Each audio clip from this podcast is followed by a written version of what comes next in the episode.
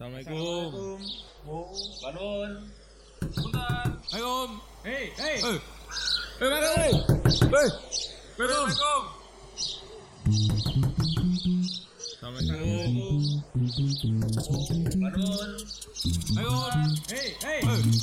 Mana weh? Bentar. Eh. Assalamualaikum. Assalamualaikum. Katanya minggu tamu. Mana? Kok belum mulai?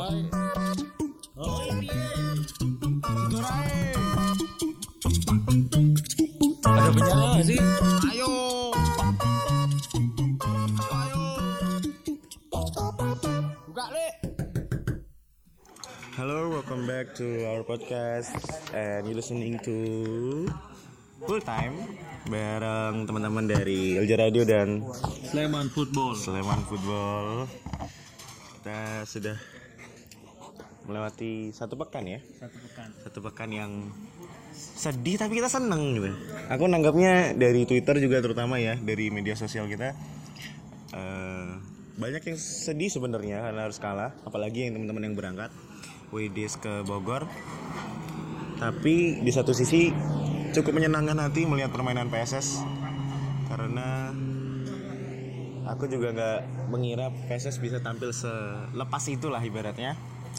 Dan oleh karena itu kita akan membahas pertandingan melawan Tira Bogor. Susah sih lawan ini ya. Kita melawan dua tim sekaligus susah emang. Iya kan? Yang yang ini dengerin eh, Bali United seneng banget nih. Hmm. Nah, Bali United juga ngomong yang sama soalnya. Tapi eh, kita besok sudah harus berhadapan dengan salah satu tim yang cukup kuat di beberapa musim terakhir Iya.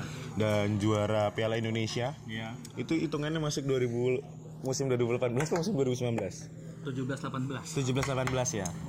Dan yang jelas mereka eh, menjadi juara Piala Indonesia dan kalau tidak salah musim lalu runner up ya. Ya, betul. Benar ya, runner up. Lumayan juga di AFC Champions. Oh ya, AFC Champion sampai babak lolos grup kalau nggak salah ya. Seimbang lah sama PSS.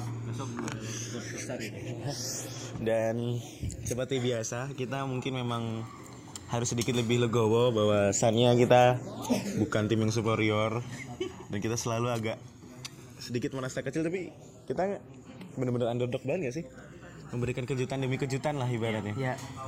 dan kalau apa ya mungkin aku salah tolong dikoreksi ya tapi sampai selama ini kita tampil di Liga 1 kita belum pernah dan jangan sampai di 10 besar ke bawah ya nggak sih? Atau kita cuma kayaknya 10 besar di atas terus di atas eh, di 10 besar terus nggak sih? Benar, benar. Iya kan? benar banget. itu suatu apa ya suatu tawaran yang positif di awal musim dan semoga bisa berlanjut sampai akhir musim. Karena tentu aja sebenarnya intinya kan akhir musim lah posisi kita di akhir musim ya. Dan mari kita bahas pertandingan melawan Tirakabo apa yang terjadi nih? Kenapa bisa seperti itu serunya pertandingan bahkan komentator aja bingung gitu kan ini bahkan mereka mengakui gitu komentar dua komentator ini aku lupa sih siapa yang jelas ah, si siapa Bung Rendra. Bung, yang analisisnya siapa namanya? Tim Racing bukan sih? Bukan, bukan yang yang kurus, dia wartawan bola dulu. Yusuf Kurniawan. Ah, eh, iya kayaknya itu deh. Iya kayaknya. Bung, eh, itu dia memberikan analisis bahwa PSS itu tampil dengan tim yang pincang lah gitu. Bahkan Yeven, Haris, Bagus itu berada di bench. Iya, betul. Ibaratnya bahkan eh, sebutannya si komentator ini adalah PSSB gitu. PSSB. emang lapis emang lapis kedua Iya kan? Nah itu yang benar tambah mengejutkan lagi kan. Uh, PSS kok mainnya nyerang banget dan itu kita ketinggalan 2-0 kayak nggak kerasa ketinggalan 2-0 gitu. Nah, apa yang terjadi nih? Apakah Coach Seto memberikan motivasi-motivasi ala Mario Togu?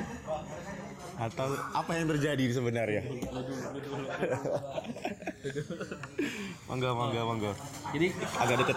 karena lihat dari komposisi pemain bisa dibilang PSSB bisa juga dibilang Liga 2 All Star ya mungkin mereka datang dengan semangat yang yaudah nanti terus lah kita apa pun hasilnya nanti kita yang penting berjuang dan akhirnya demikian Eh, untuk masalah hasil tiga gol itu dari set piece bola mati bola mati yang memang itu menjadi PR buat PSS Sleman menit 3 gol Ciro penalti selanjutnya Aku merasa itu bukan penalti. Nggak tahu kenapa ya. Maksudnya kayaknya itu nggak nggak kena tangan tapi ya wasit. Kena tangan bos. Oh, menurutku enggak loh. Kena tangan gak sih? terus terus terus gimana? Nah, ya kabar angin positifnya adalah secara open play kita bisa cetak satu gol sedangkan Persira nggak bisa cetak gol lewat open play itu menandakan bahwa kita emang teman-teman PSS berjuang sangat-sangat luar biasa di Bogor sana Kalau menurut aku PSS nggak punya pilihan lain lagi. selain mati-matian Ya selain bermain all out tanpa beban, mencoba menampilkan permainan terbaik. Eh, tentu sangat sulit melawan PS Tira yang beberapa pertandingan sebelumnya tidak terkalahkan sebelum kalah dengan Bali United. Eh, ya itu tadi tidak ada pilihan bagi PSS selain bermain all out apalagi sebelumnya sudah dapat kucuran bonus. Dapat sudah dapat bonus Anda. kucuran bonus serta hasil yang kurang maksimal saat melawan Persela. Itu sih modal positif bagi PSS untuk tetap percaya diri di pertandingan selanjutnya. Walaupun menurunkan pemain full lokal sejak menit babak pertama. Luar biasa sih. Itu nggak lokal bos Hah? Yudo anu dari Brazil. Dari Brasil dari Brazil Tolong kalau anda bikin video buat pemainnya PSS jangan alay lah. Mana ada Neymar kayak dia gitu loh. Tolong lah. Tuh heran juga sama media Indonesia ya. Tapi gini, ingat waktu kita bikin podcast sebelumnya ya, yang bawa lebih pede lawan PS Tira. Karena memang secara permainan kalau dilihat dari track track recordnya PS Tira, kenapa kok kita saya pede bahwa PSS akan bermain oke? Bayangan itu waktu itu adalah Brian masih main, Batata masih main ya. Dante masih main. Karena memang terlihat superior sekali tapi ternyata tidak tidak superior itu Pestira karena jarak antar pemainnya itu cukup lebar. Baik secara horizontal dan secara vertikal. Nah lini tengahnya agak renggang. Padahal kita topnya di lini tengah. Itu yang sebenarnya saya pikir bakal dapet di di Pestira tapi sayangnya Batata nggak main Brian nggak main. Tapi dengan komposisi yang kemarin juga ya itu tadi secara kualitas open play ya kita bisa bersaing lah sama mereka. Gokil sih emang kemarin. Kalau nonton itu tengah itu emang kosong gitu. Tapi serangan apa ya? Serangannya silih berganti lah. Jadi bener-bener bener-bener cukup seru sebenarnya. Walaupun tengahnya kelihatannya kosong gitu, tapi ya Kambuaya juga bermain cukup positif sih kemarin Iya. aku lihat bahkan ketika diganti aku juga agak kaget gitu. Kenapa diganti sih gitu? dia asis kan Asis, asis. dia cukup apa bisa kasih umpan-umpan matang juga ke Yudo ya kan? Karena dia nyaman posisinya. Ya karena posisinya renggang itu tadi dia nyaman. Oke. Dan dia juga emang tipikal yang kalau kalau menurutku juga kadang-kadang si Kambuaya ini sering eh, membawa bola melewati satu dua melakukan tendangan dari luar kotak penalti. Dan kemarin waktu lawan Tira juga beberapa kali dia dapat kesempatan. Kesempatan betul. Cuma ya memang belum beruntung aja belum beruntung. Dan eh, nah apakah kelemahan kita sekarang adalah gagal mengantisipasi set piece terutama bola udara gitu ya? Karena kemarin dua gol sundulan itu ya. bener-bener kosong bener-bener enak Eh, siapa ya? Lupa si back sama yang Kurset ah, itu. Satunya lagi. Sasaha Oh Sasaha yang bener-bener tinggal ibaratnya tinggal mengarahkan bola. Dan kalau nggak salah seingatku Ega mati langkah itu. Tidak bisa berbuat apa pun. Gimana ini menurut teman-teman? Itu yang jagain di lini belakang tinggal Dev Mustain loh. dua dua gol itu Dev Mustain semua yang jagain pemain. Pemain belakangnya mungkin terpecah konsentrasinya dengan pemain asing yang lain kalau menurut aku. Apalagi Ciro ya. Ya mungkin di situ. Jadi yang dua gol itu kembali kalau dilihat lagi tinggal Dev Mustain yang jagain.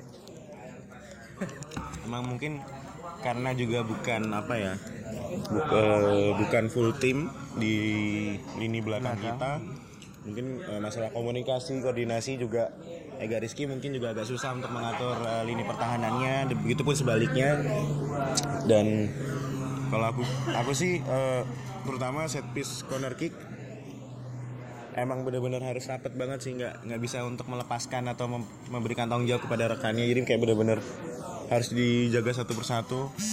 Apalagi besok kita akan melawan PSM pemain mereka juga posturnya sama lah kayak Tira yang memang bola-bola udara mereka cukup tangguh gitu Ya ada Pluim yang tingginya kayak Mila mirip-mirip lah sama Pluim. Lawan Tirakabo itu lawan Febrianto emang kurang ajar sih. Umpannya emang menuju pemain oh ini mereka tuh. Pas lawan Tira, pas Tirakabo kemarin. eh, siapa Febri itu Lawan. Lawan Febrianto. Eh, Maman Febrianto. Anda katanya suka PSS. Kenapa Anda tidak main di PSS? Ayo, tolong. Bilang dong sama apa? Manajernya, manajernya Mas Wawan. Saya mau main di PSS, tolong diusahakan. Tolonglah, bagus banget mah. Gila sih. Wawan itu memang sebenarnya serangannya Persiro dari Wawan loh. Dari kombinasinya Wawan dan Abdul Estaluhu. Memang kalau dilihat dari pertandingan sebelumnya itu banyak gol dari sayap kiri. Karena kualitas crossingnya Lestaluhu, kualitas crossingnya Siwan itu emang oke banget. Benar, setuju. Ciro kenapa dia cetak gol banyak karena ya mereka berlawanan arah jadi bolanya ke Ciro. Oke, jadi sebenarnya Ciro ini bisa ditempatkan sebagai target man juga ya untuk mengambil umpan-umpan dari eh, Mas Wawan dan lucunya itu apa ya mungkin untuk postur tubuh dia tidak terlalu apa ya tidak terlalu menguntungkan lah ibaratnya. Tapi dia kalau ngejar bola di TV itu kelihatannya dia nggak nggak lari loh, jalan men. Kelihatannya di TV itu jalan loh dia. Tapi itu tetap dapat bolanya gitu. Berarti ada keunggulan di positioning dia kan. keren aku nonton sempat pernah aku nonton langsung Tirakabo gitu di musim ini dan geleng-geleng aku lihat Wawan yang bisa bawa bola mau 3 4 orang dia tetap tenang, tetap santai. Dia skillnya itu bukan untuk melewati itu. Tapi lebih gimana caranya untuk umpan ke teman yang lebih kosong. Dan ya semoga aja musim eh apa putaran kedua Wawan merapat ke PSS. Serangan kedua susah ya. Tolong ditukar sama Rangga Muslim nggak apa-apa kalau saya ikhlas mah. Jangan nambah aja nambah. Aduh. Next, eh, kalau dari PSS kan kalau tadi Wawan nih yang menjadi motor serangan ya. Kalau dari PSS siapa kira-kira menurut teman-teman? Tetap gelandang kita ada banyak ya, ada Bang Saimima main, Dev main, Rangga main, Kakak Neri main. Saya pikir mereka bermain secara kolektif ya dan dikomando oleh sang jenderal. Siapa jenderal? Dave Mustaine. Dev Mustain.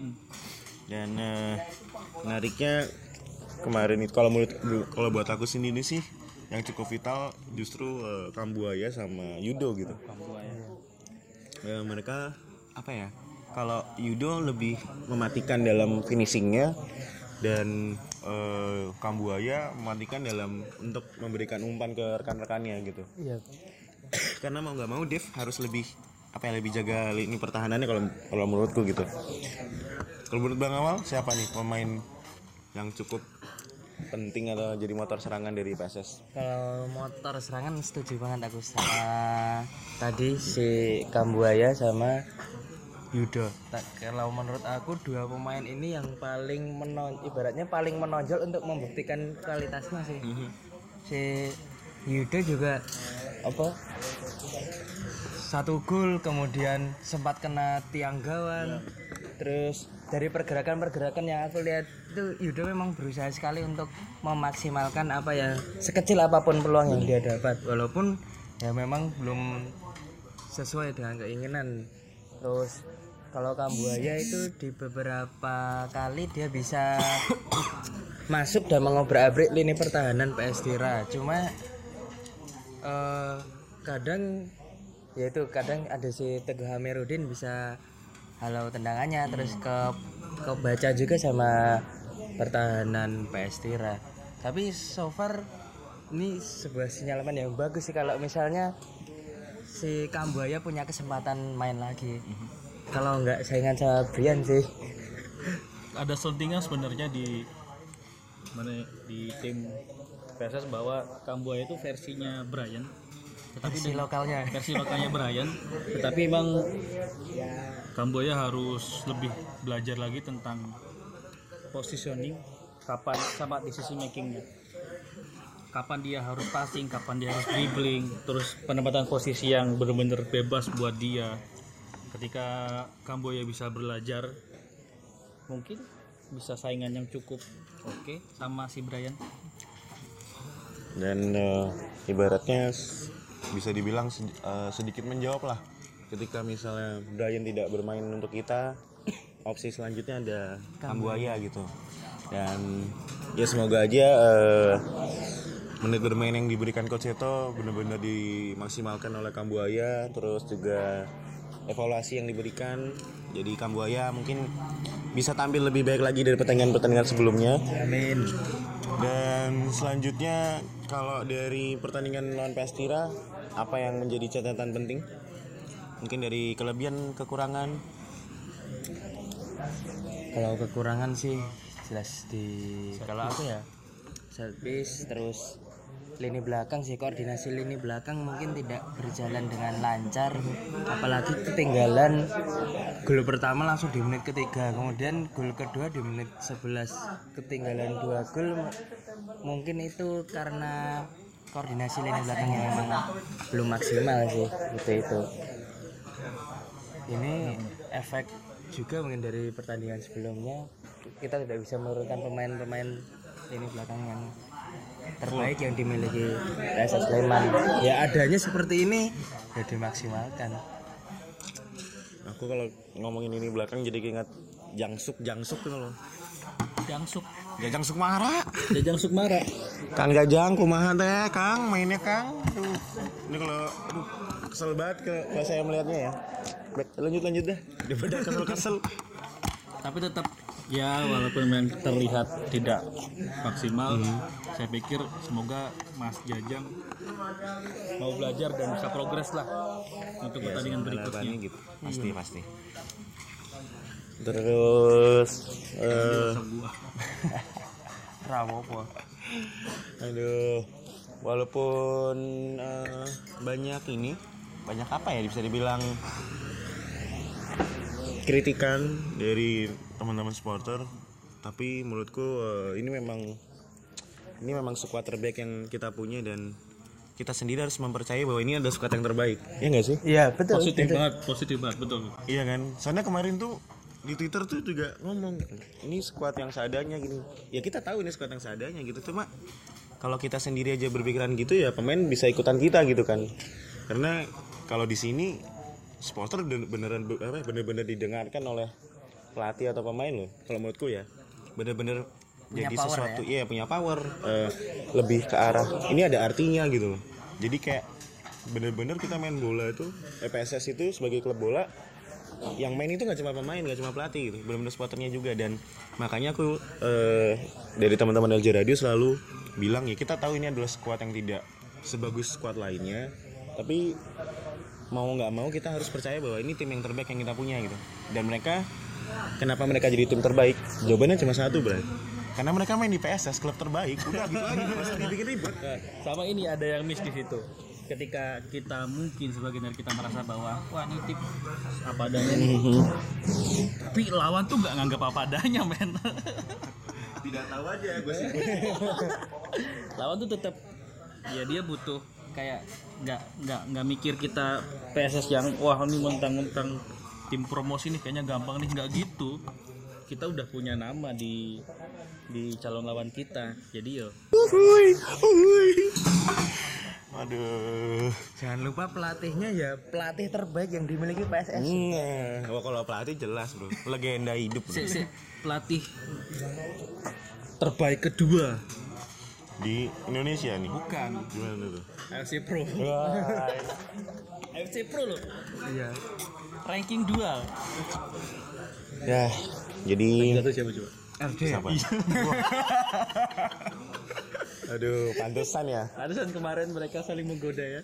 Hmm, harapannya sepak bola Indonesia maju dan semakin maju persaingan udah FC Pro FC Pro Nah, itu buat uh, listeners mungkin yang yang lagi dengerin uh, kalau masih beranggapan seperti itu, monggo untuk sedikit dirubah. Uh, karena musim sangat panjang masih banyak drama-drama yang akan terjadi jatuh bangunnya kita cuma apa ya dan juga tentu aja mungkin ada teman-teman listeners di luar sana yang juga masih beranggapan monggo mulai diajak untuk eh, berpikiran seperti tadi karena sekali lagi pemain dan pelatih sangat apa ya sangat mendengarkan lah ibaratnya. Eh, suara-suara dari teman-teman supporter dan lain sebagainya. Dan benar-benar kelihatan apa ya mereka juga main benar-benar maksimal lah benar-benar maksimal buat eh, biar supporter juga yang datang nonton itu pada seneng. Dan begitu pun sebaliknya. Terus mari kita ngomongin berhadapan dengan PSM Makassar.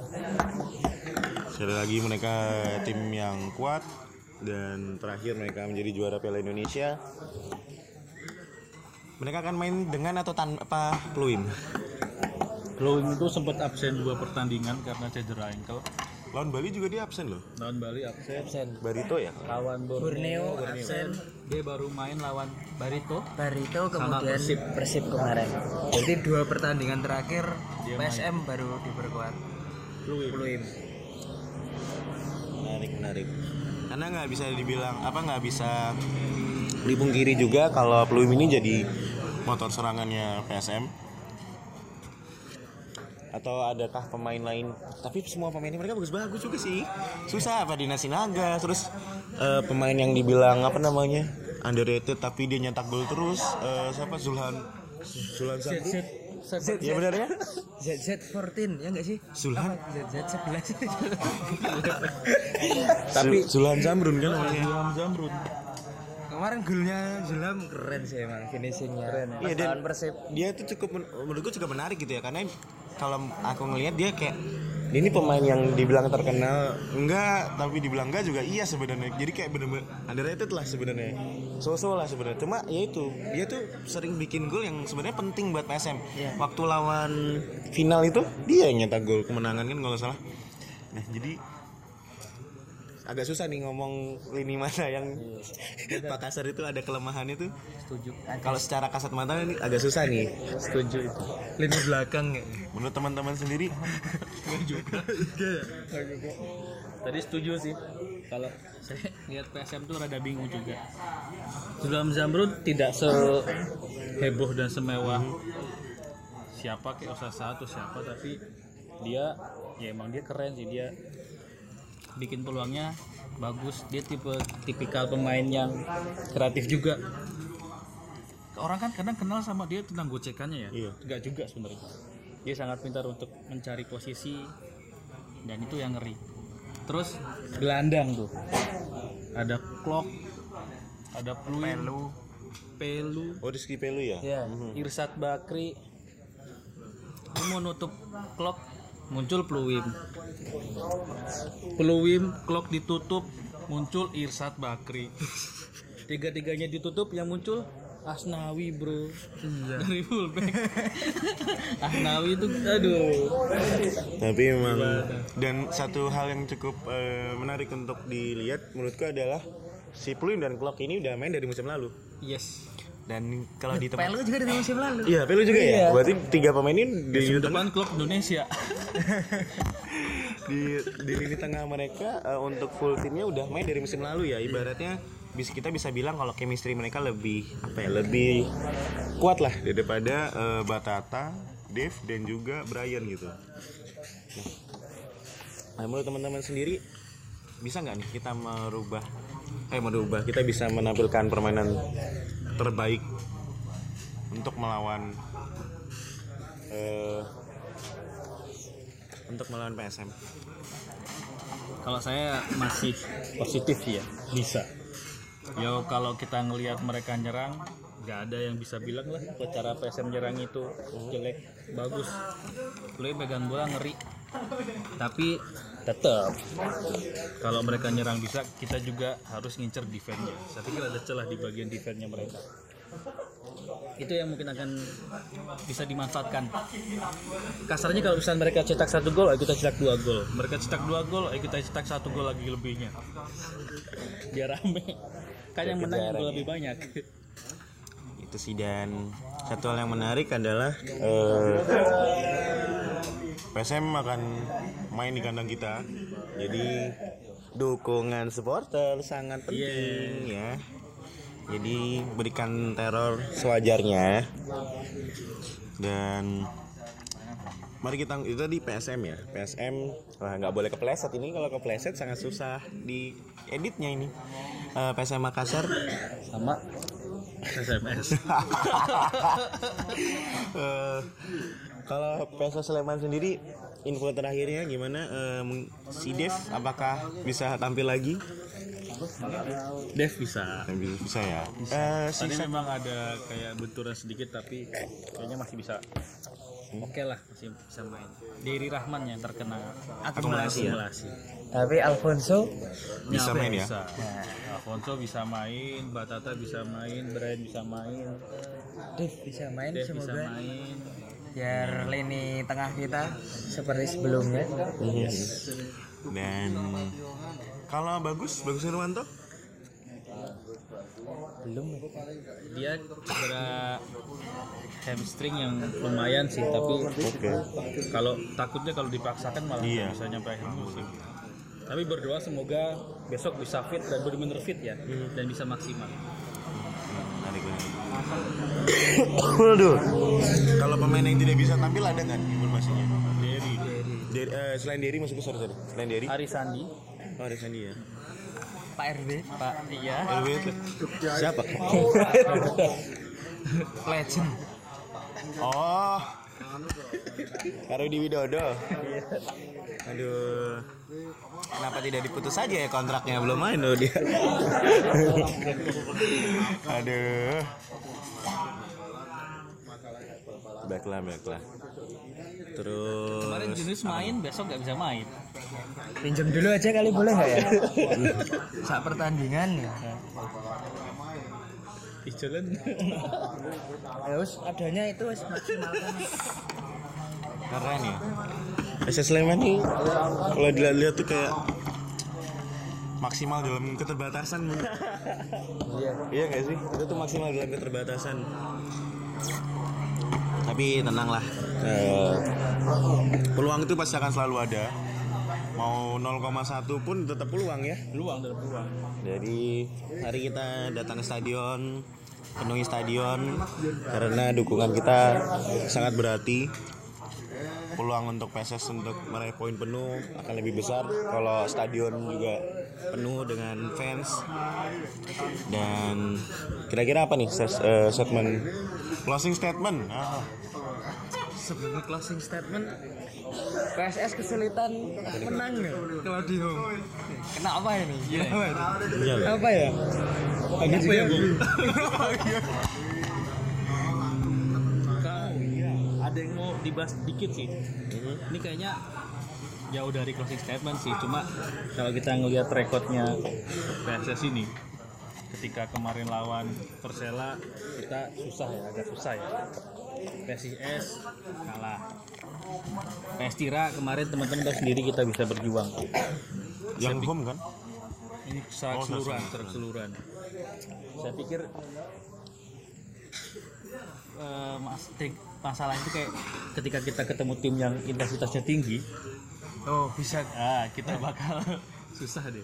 PS Tira walaupun di klasemen di klasemen tinggi tapi intensitasnya rendah. Kita masih bisa bisa ngimbangi. Bahkan kita bisa gol di open play. PSM ini dia depannya tinggi intensitasnya pressingnya tapi defense-nya rendah. Ya semoga kita bisa curi poin di situ. Kalau aku itu sih. Nah, mungkin hampir sama. Bagaimana untuk nanti PSS bisa tetap positif tetap mengeluarkan kemampuan terbaiknya mengakhiri rekor buruk di pertandingan kandang. Pokoknya main los ya lah. Kayaknya nek bisa apa namanya kayak tanpa beban tuh seperti bisa mengeluarkan apa yang dimiliki PSS mengeluarkan permainan ciri khas permainannya sendiri lah. Apalagi semoga lini tengah besok bisa full tim bisa fokus untuk eh, mengeluarkan permainan terbaiknya sama ya menghadang aliran bola yang masuk ke peluim mungkin. Udah? Aduh, bahas aja udah deg-degan ya. Baiklah. Kalau begitu, em, terima kasih selamat football dan buat teman-teman listeners di mana pun anda berada, terima kasih juga yang sudah ikut PO buat launching party album kompilasi. Gigs dari teman-teman band-band kompila band-band kompilasi PSS Sleman dan jangan lupa untuk hadir ke acaranya juga. Terus ya sesaat lagi sesaat lagi. Beberapa hari lagi kita juga punya kejutan di YouTube dan juga di digital musik platform kalian kalian pakai apa aja itu akan ada sesuatu di sana. Jadi cukup padat lah eh, timeline dari Elja Radio. Ya tapi semoga teman-teman pada suka dan terus eh, dukung semua pergerakan yang ada di ekosistem sepak bola Sleman. Akhir kata dari saya tetap SS Sleman dan full service. Dadah.